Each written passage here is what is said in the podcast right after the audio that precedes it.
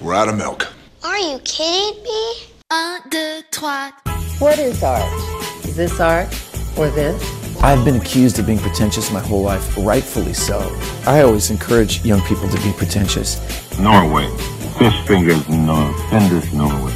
We know a certain fjord in Norway. In order to be a great artist, you simply have to be a great artist. There's nothing to learn.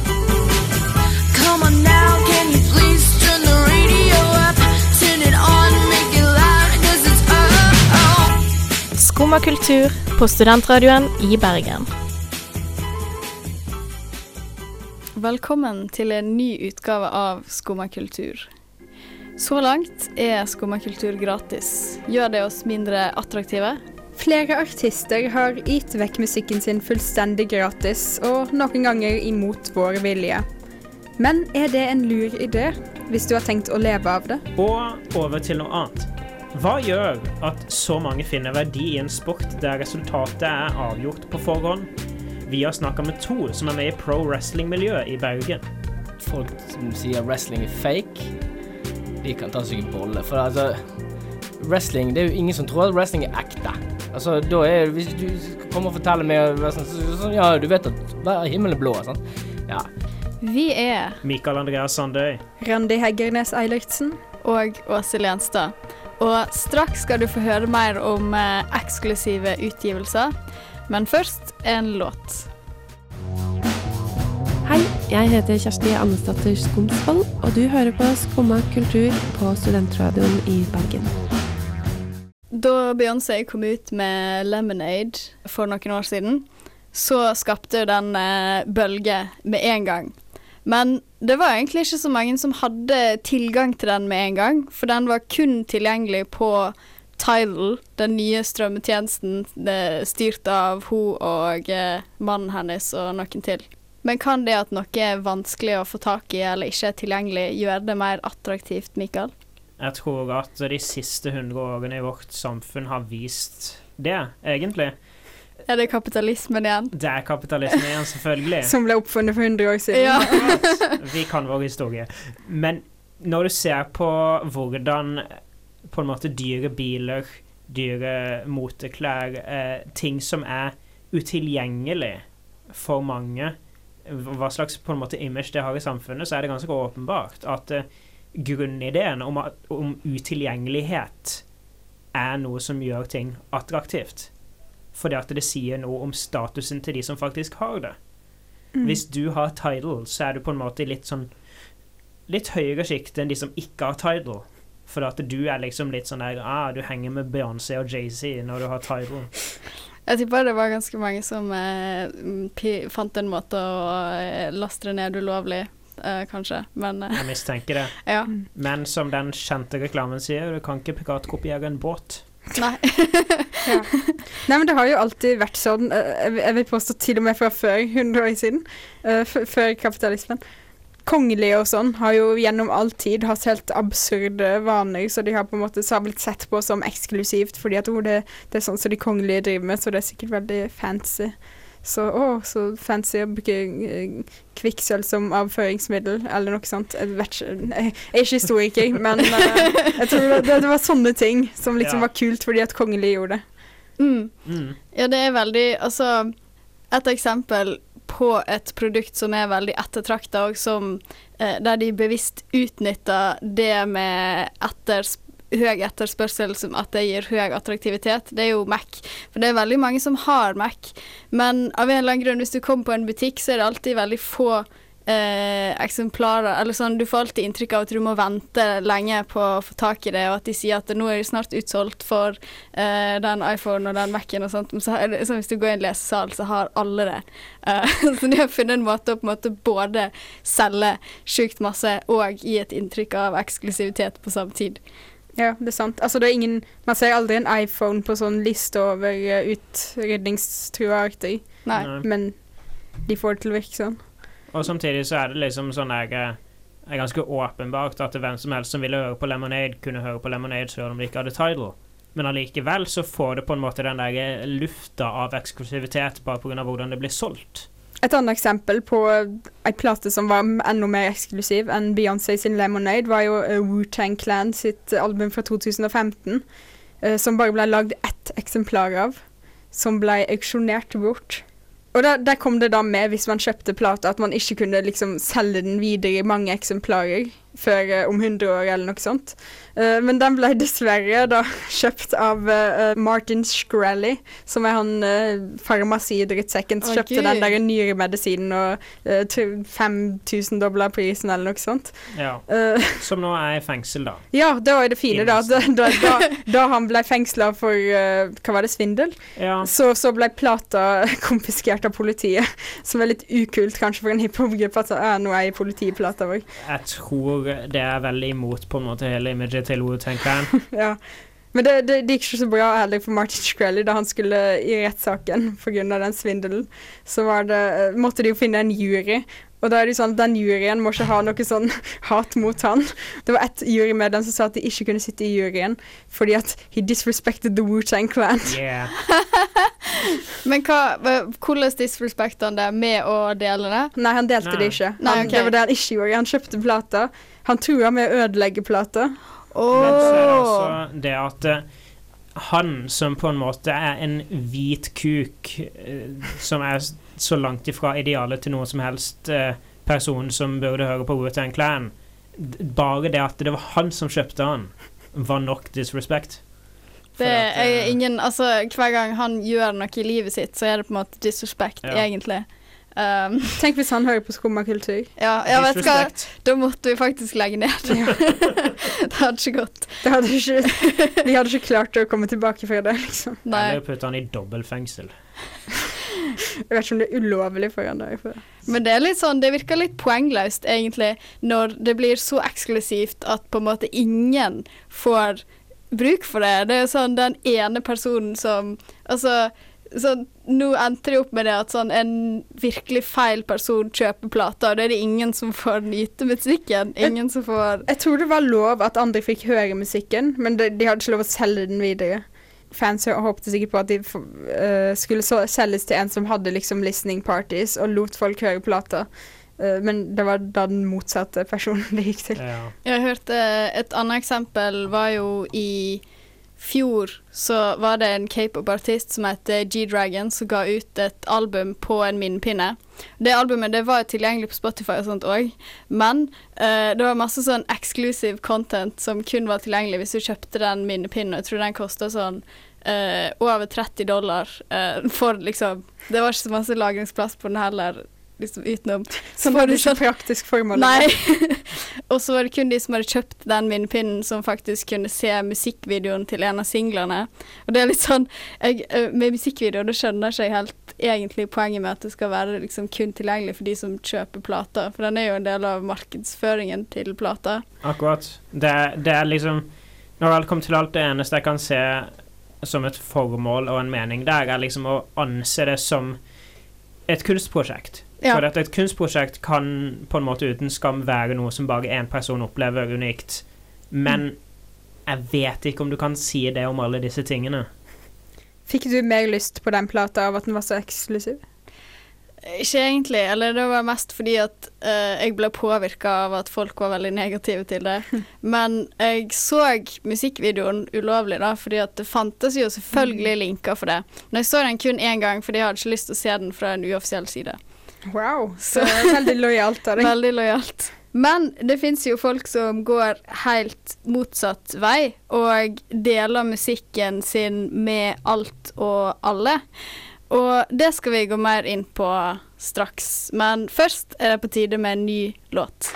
Ja, og dere som har eh, lyst til å prøve dere på en eh, annen konkurranse, nemlig søppelsorteringskonkurransen, dere kan jo ringe nå på telefonnummeret som er 815-493-00. Og Da setter vi over til Skumma kultur på studentradioen i Bergen. Da Radiohead ga ut albumet In Rainbows i 2007, bestemte de seg for at de skulle ikke ta penger for den på vanlig vis. De skulle distribuere musikken gratis, og så betalte folk det de hadde lyst til å betale. Og for de endte opp med å bli et av de mest solgte albumene deres. Men det er ikke gitt at om du gir vekk musikken din gratis på den måten at for det første at du får dekka kostnadene med å lagre, og for det andre at kan folk bli irriterte.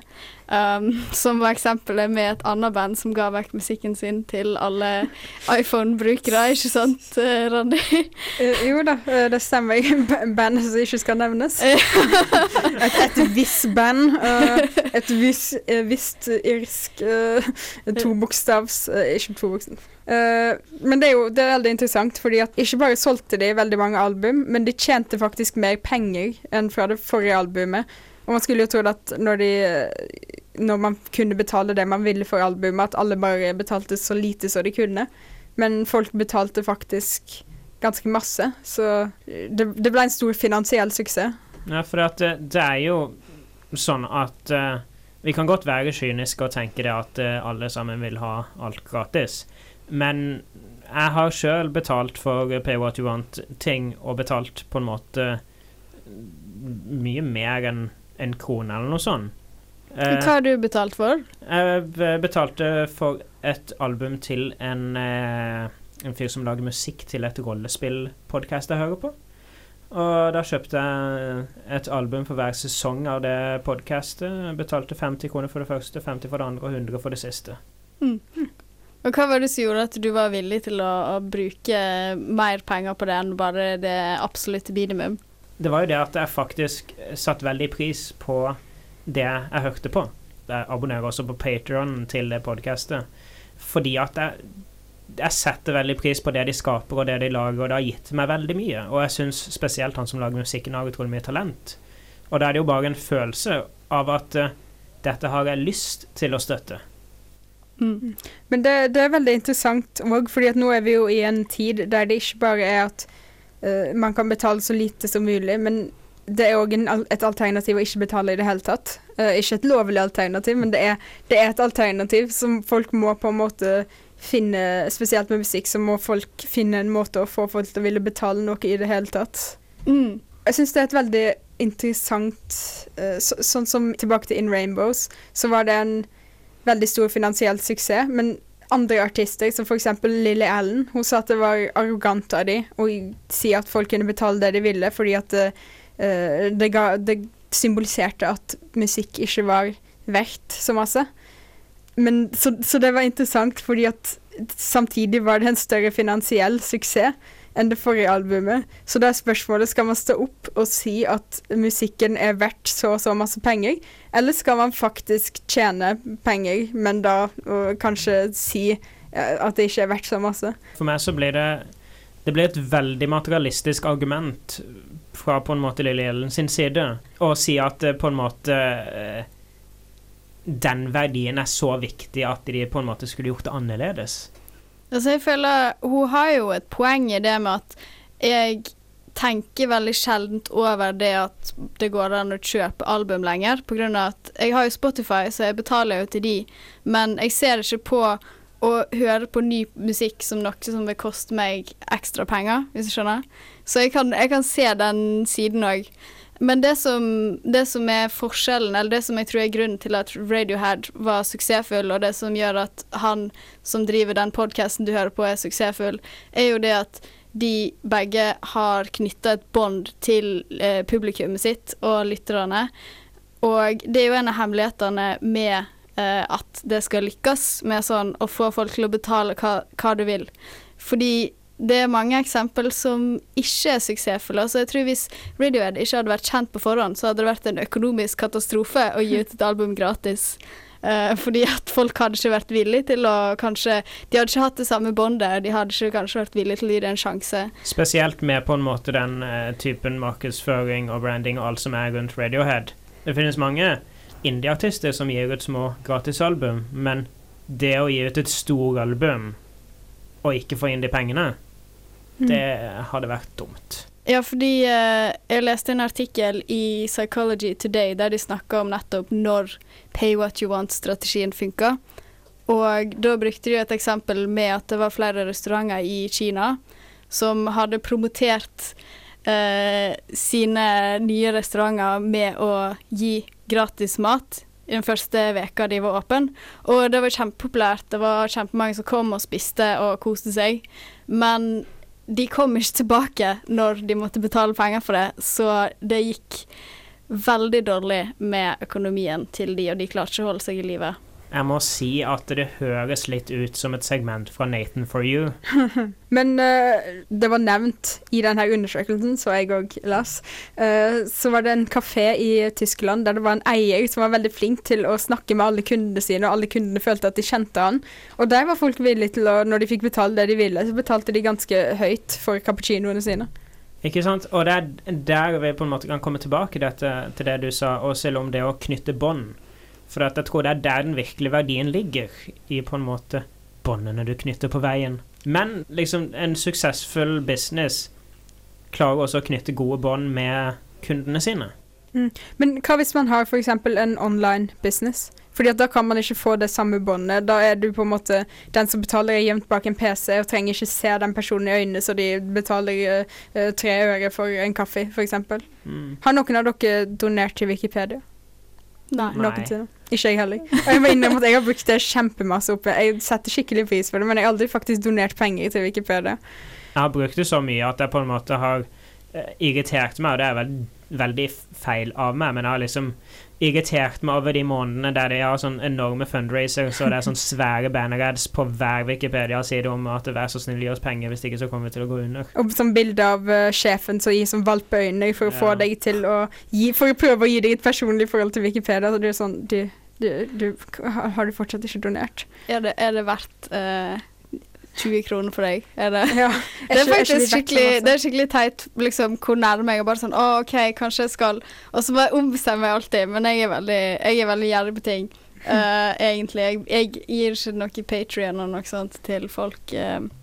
Jeg har donert tid til Wikipedia. Det har du. Tid og, tid og arbeid til å fikse artikler. Ja, hvis du har og vært og sånn. redigert, så er det på Ja. en måte Men ikke, ikke nok til hvor masse jeg har brukt det, føler jeg. Nei. Nei. Nei, det er kanskje ikke så lett å se den virkelige verdien i uh, det man konsumerer, enten det er kultur eller mat eller Wikipedia-artikler.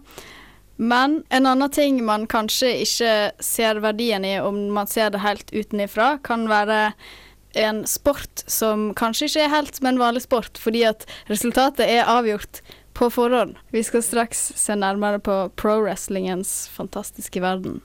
Men først en ny låt.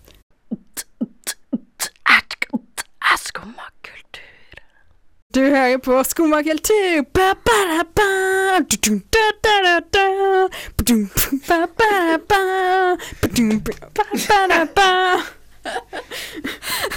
Takk til Randi. Hva, hva er det du gjør på, Randi? Nei, jeg prøver å komme litt i wrestlinghumør, da. Uh, ja.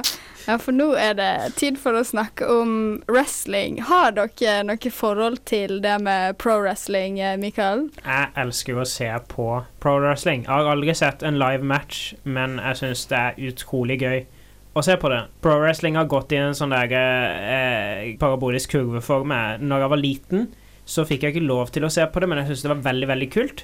Fordi det var eksklusivt. Ja.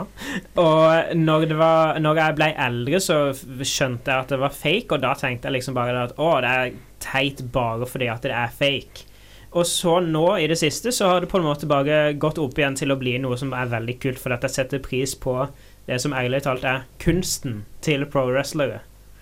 Hva med deg, Randi? Har du vært på en like omfattende reise som det Mikael har vært på?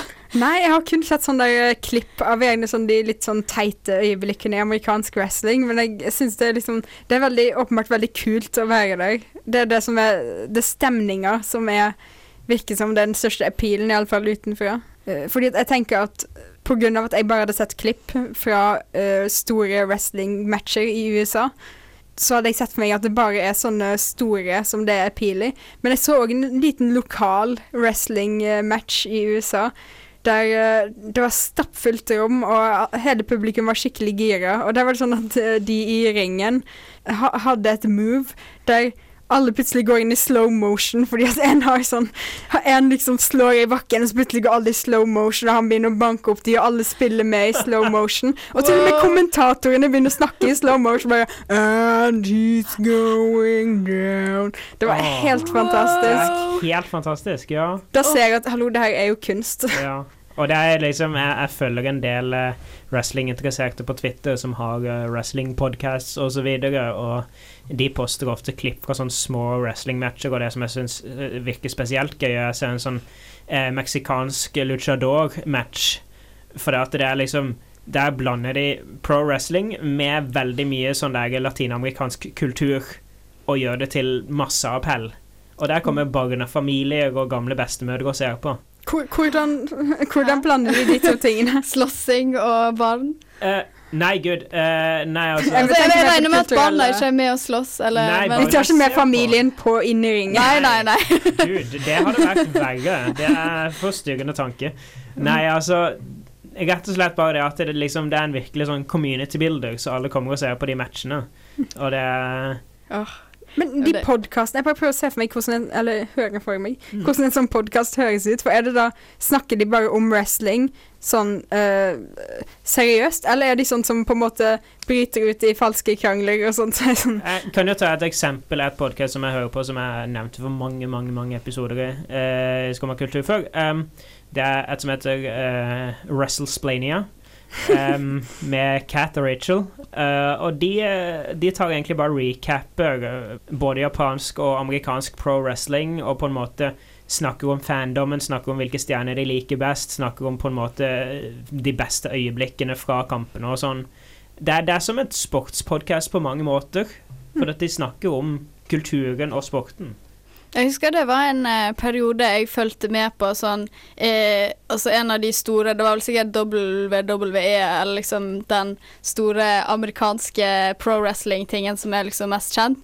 Og det husker jeg at det gøy, gøyeste var Fordi at jeg så det litt sånn random, jeg så ikke nødvendigvis hele episoden, eh, hvis jeg skal kalle det.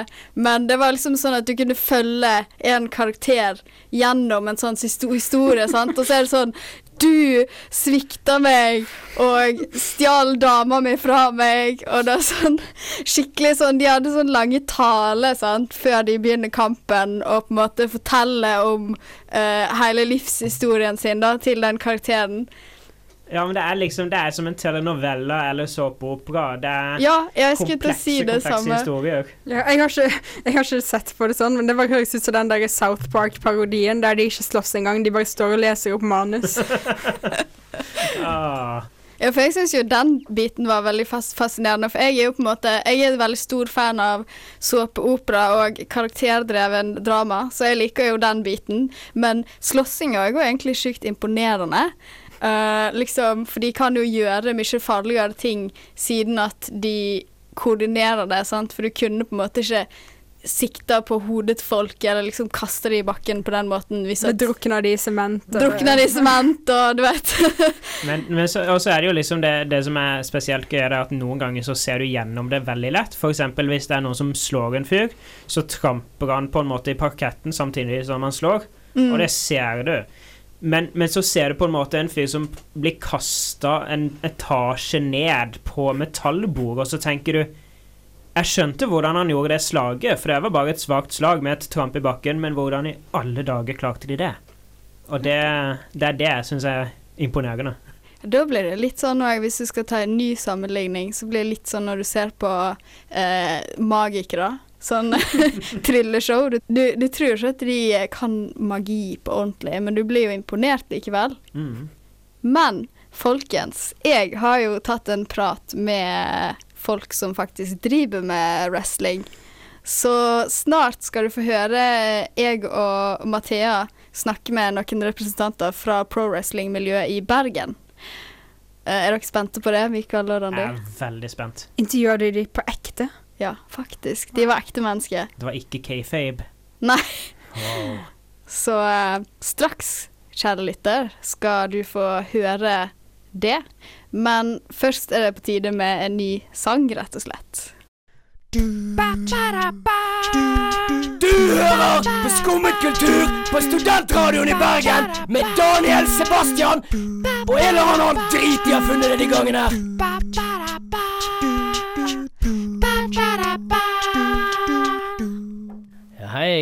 Jeg er Daniel Sebastian. Jeg eh, har drevet med wrestling i 18 år. Jeg eh, Eh, to ganger norgesmester i single wrestling, to ganger norgesmester i tag team wrestling. Jeg sitter i styret i Norges Wrestlingforbund, og jeg driver Bergen Pro Wrestling Academy.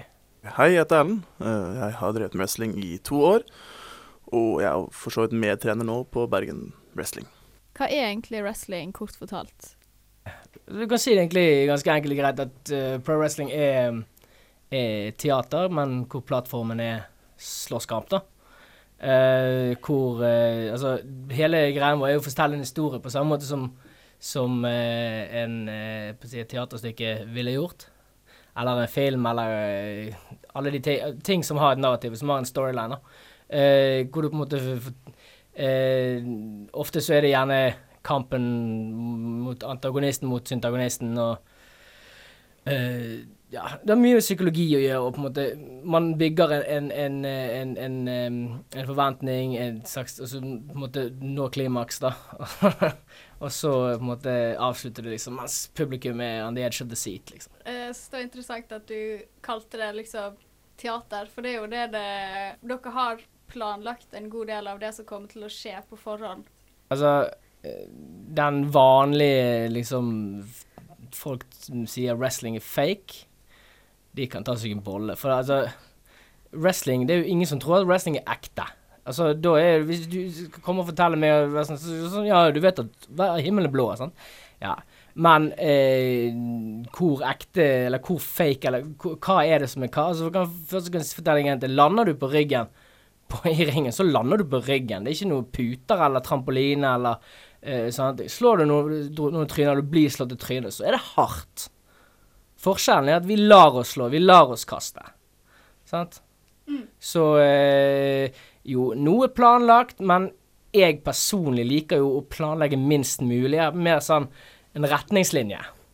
Og så jobber jeg meg ut derfra. For da får jeg mye mer eh, den spontane følelsen, den spontane reaksjonen, altså reaksjonen. Sant? Ikke den, den eh, mekaniske eh, reaksjonen. Men du, og det, det jeg elsker å gjøre, er jo kø, er sånn, er de ringene, så kan du på en måte dra den litt langt, eller gå, gå et godt stykke utenfor skript og sånn, for å utfordre motstanderen. Bare for å ha det gøy, liksom. Bare for å se hvordan han takler presset. Og en annen ting som jeg også legger ofte merke til med wrestling, er at liksom, jo mindre planlagt det er, jo mer rom har du ofte for kreativitet. Slik at du kommer mye mer sånne helt spontane ting Ja. som ser dritbra ut, men som du aldri kunne tenkt på å planlegge i forkant.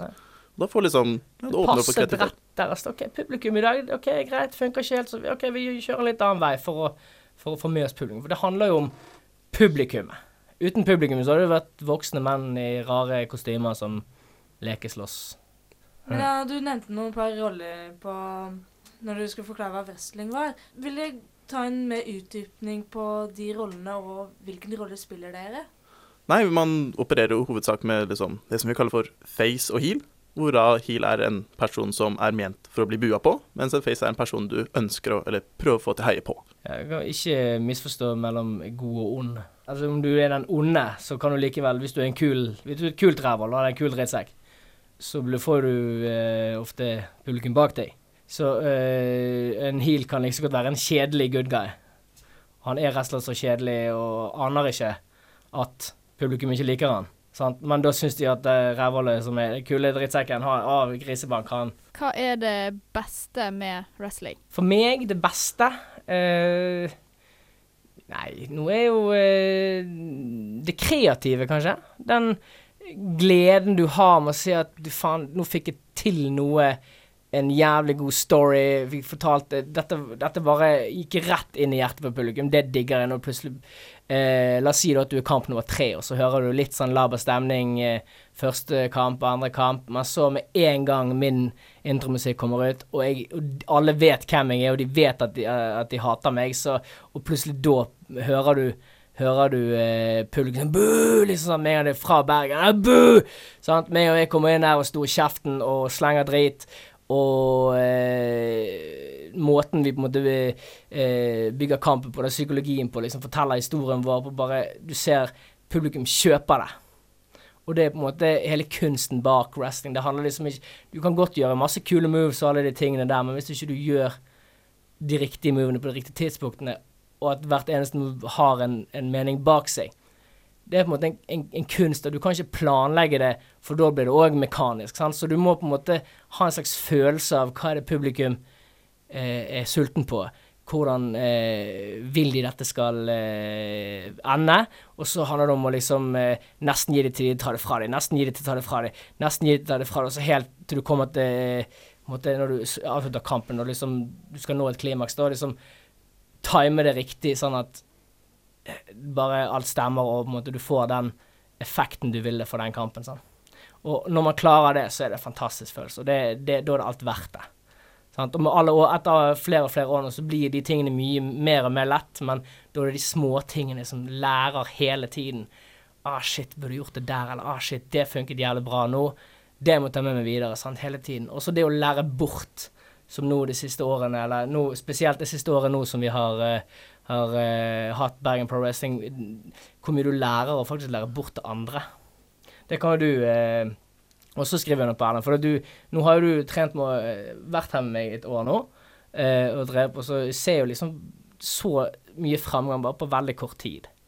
Ja, jeg kan si meg enig. Holdt jeg på å si, Ja. Bare på et år så har jeg lært utrolig mye mer. Og veldig mange ting som jeg har vært ubevisst på, og liksom bare kommet sånn til opplysning. Men hva med du, Erlend? Hva er det du liker med wrestling? Ja, det er eh, i hvert fall to umiddelbare ting jeg kom til å tenke på når du stilte det spørsmålet i stad. Det var én ting var at jeg elsker å fortelle en historie. Jeg har alltid vært veldig glad i drama og se på filmer og sånt, til tross for at jeg ikke alltid gjør det. Men eh, jeg syns det å fortelle en historie betyr veldig mye. Og det blir jo på en måte da min måte å fortelle en type historie på, gjennom da å drive med wrestling. Det er den ene umiddelbare tingen. Den andre er kanskje det eh, Hva skal jeg si reaksjon eller engasjementet du får fra publikum når du driver med wrestling. Det er så utrolig gøy å enten høre at folk virkelig buer av full hals eller jubler så høyt de kan runge, liksom. Det er bare den reaksjonen du får av publikum, er sånn helt Jeg kan ikke sette pris på det, liksom. Det er ja, helt ubetalelig. en liten rus. Ja, definitivt.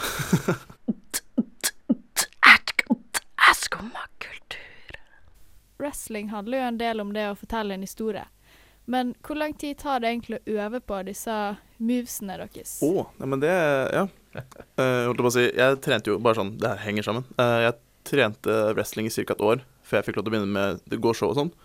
Men det som var veldig rart, at etter, etter en viss periode, sånn litt over et års tid, så er det sånn Jeg kunne gjøre moves som jeg egentlig aldri hadde liksom øvd på før. Jeg bare tok det veldig på sånn på gefühlen. Det er liksom det der eh, du har, har grunn, grunnkunnskapen og grunngreiene som ligger i kroppen, så kan du egentlig gjøre alt. Ja, men, det- ja, det er liksom det at liksom, så fort du kan grunn, grunnteknikken og alt sammen, så ser du et mønster i det, da kan du egentlig bare gjøre sånn Litt sånn som musikere kan gjøre ting på gehør, så er det sånn samme for oss på gefühlen. Men, da, litt, men det, dette her med å føle på, på stemning, føle på publikum, føle på situasjonen, kjenne OK, hvor lang pause skal jeg ha nå? Eh, hvor, hvor raskt skal dette gå? Hvilket tempo skal jeg ha nå? For neste gang kommer det raskt. Hvis jeg da tar det sakte nå, så vil neste eh, eh, segment virke raskere hvis de gjør det. Altså alle de type tingene der. De har ikke peiling på det, liksom før liksom de sender årene.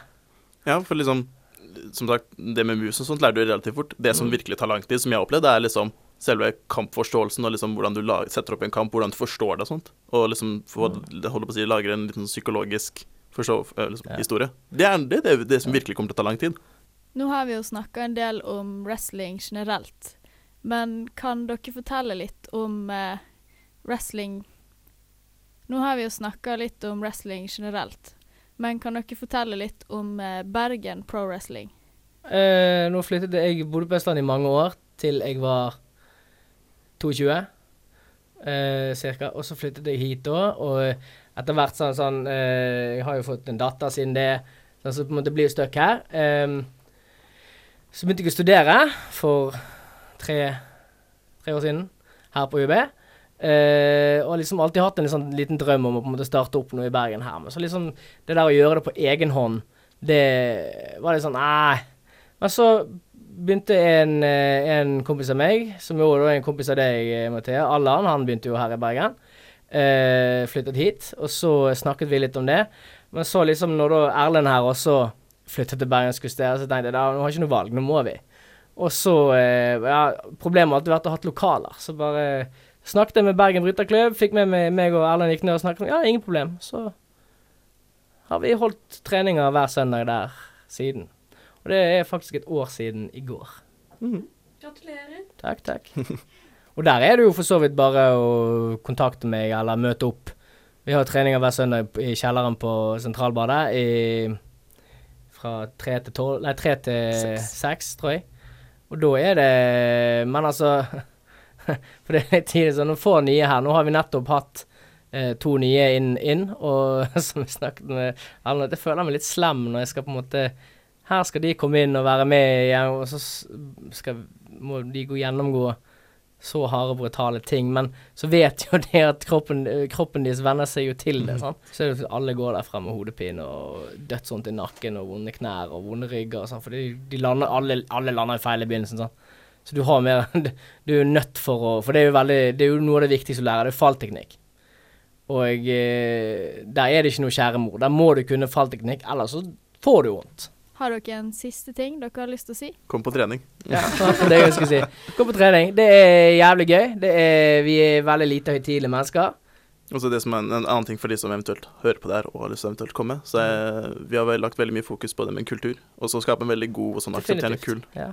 Så du, for de som eventuelt er nysgjerrige, så er det sånn Man trenger ikke være redd for det som ikke blir akseptert, for at liksom er noe Ikke vær, ikke vær, ikke vær sjenert. Nei. Du kan, det kan du drite i. For sjenert, ta seg sjøl høytidelig, det er noe jeg eh, ikke ser på som noen god egenskap. Verken i negativ eller positiv forstand. Så ikke tro at uh, du ikke er noe, for det er du. du har, alle har noe å komme med til wrestling, uansett om du er sinnssyk. Jeg har sett folk som er dødsgode uh, akrobatisk og atletiske ferdigheter, men der stopper det. Så har jeg også sett de som har en kjempelang vei å gå, men som da har et mye rikere eh, liv med, med, med egenskap i, i karismaen. Og det er der du på en måte Hvis du klarer å være en karakter, det er det viktigste.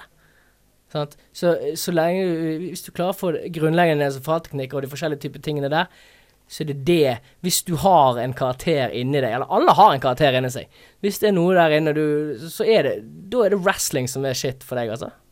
Mm. Og det gjelder både eh, gutter og jenter. Så jeg slår både gutter og jenter like hardt som jeg pleier å si. Her er det ikke noe kjønnsdiskriminering. Nei, vet du hva? Kjønnsdiskriminering er bare tull. Finnes ikke i wrestling. Nei, men det er jo alle, alle jenter jeg har vært borti i wrestling, sier ah, Daniel, endelig var det en mann som turte å slå meg like hardt som de slår hverandre. Og det, det står jeg for. Men det er kun på trening eller kamper. Altså. Jeg holdt på å si, jeg tror det var for to shows tilbake eller sånn, så var det sånn, vi var en, noe som heter en Royal Rumble, en annen Ja. type match enn sånn 1v1. Da husker jeg at det var sånn, et lite sekund så bare tvilte jeg sånn, skal jeg virkelig kline til en jente så hardt som jeg gjør på menn? Sånn. Så bare bestemte meg for at jeg gjorde det, så kom hun backstage og etterpå var veldig fornøyd og sånn, ja, tusen takk for at du slo meg så hardt, liksom. Satt veldig stor pris på det. Jo, men på ordentlig, og det, jeg tror på det, jeg. Altså, sånn. Hadde noen kommet og slått til meg med puseslag, men så slår de grisebaken til de andre, så er jeg blitt sint òg. Og det er ikke veldig mye skade. De skadene du får i, i wrestling, er mer sånn type slitasjeskader, sånn som du får i all idrett. Men òg liksom Du mister jo helt intimsonen. Altså. så det er jo Det er liksom, jeg husker eh, flere ganger liksom Plutselig så ligger du der opp ned. En fyr holder deg opp ned, liksom, du, kjenner du liksom kølen hans langs neseveggen og sånn, og tenker hm, ja, dette driver jeg med. sånn? Altså, og det er helt greit. For det er liksom, det er ikke noe Det er ikke Sånn er det. Det er egentlig litt befriende. Intimitet Litt rart. forsvinner. Intimitet Ja, grensen forsvinner, så. Jeg kjenner jeg kunne virkelig snakket om eh, wrestling eh, hele resten av dagen, men jeg tror vi eh, snart må runde av. Ja, så bra. Ja. Eh, så jeg må si først tusen, tusen takk for at dere valgte å komme hit og snakke med oss i Skumma kultur. Selv takk. Det var kjempehyggelig. Det var kjempehyggelig. Takk til Daniel, Sebastian og Erlend fra Bergen Pro Wrestling Academy. De har, som de nevnte, øvinger hver søndag klokka tolv på Sentralbadet.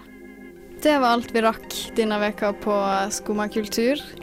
Fortvil ikke, kjære lytter. Vi er som vanlig tilbake igjen neste mandag klokka 11, og eh, på podkast. Vi har vært Randi Heggernes Eilertsen. Mikael André Sandøy. Og meg, Åse Lenstad.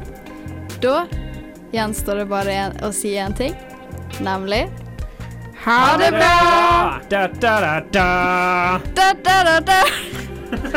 da, da, da.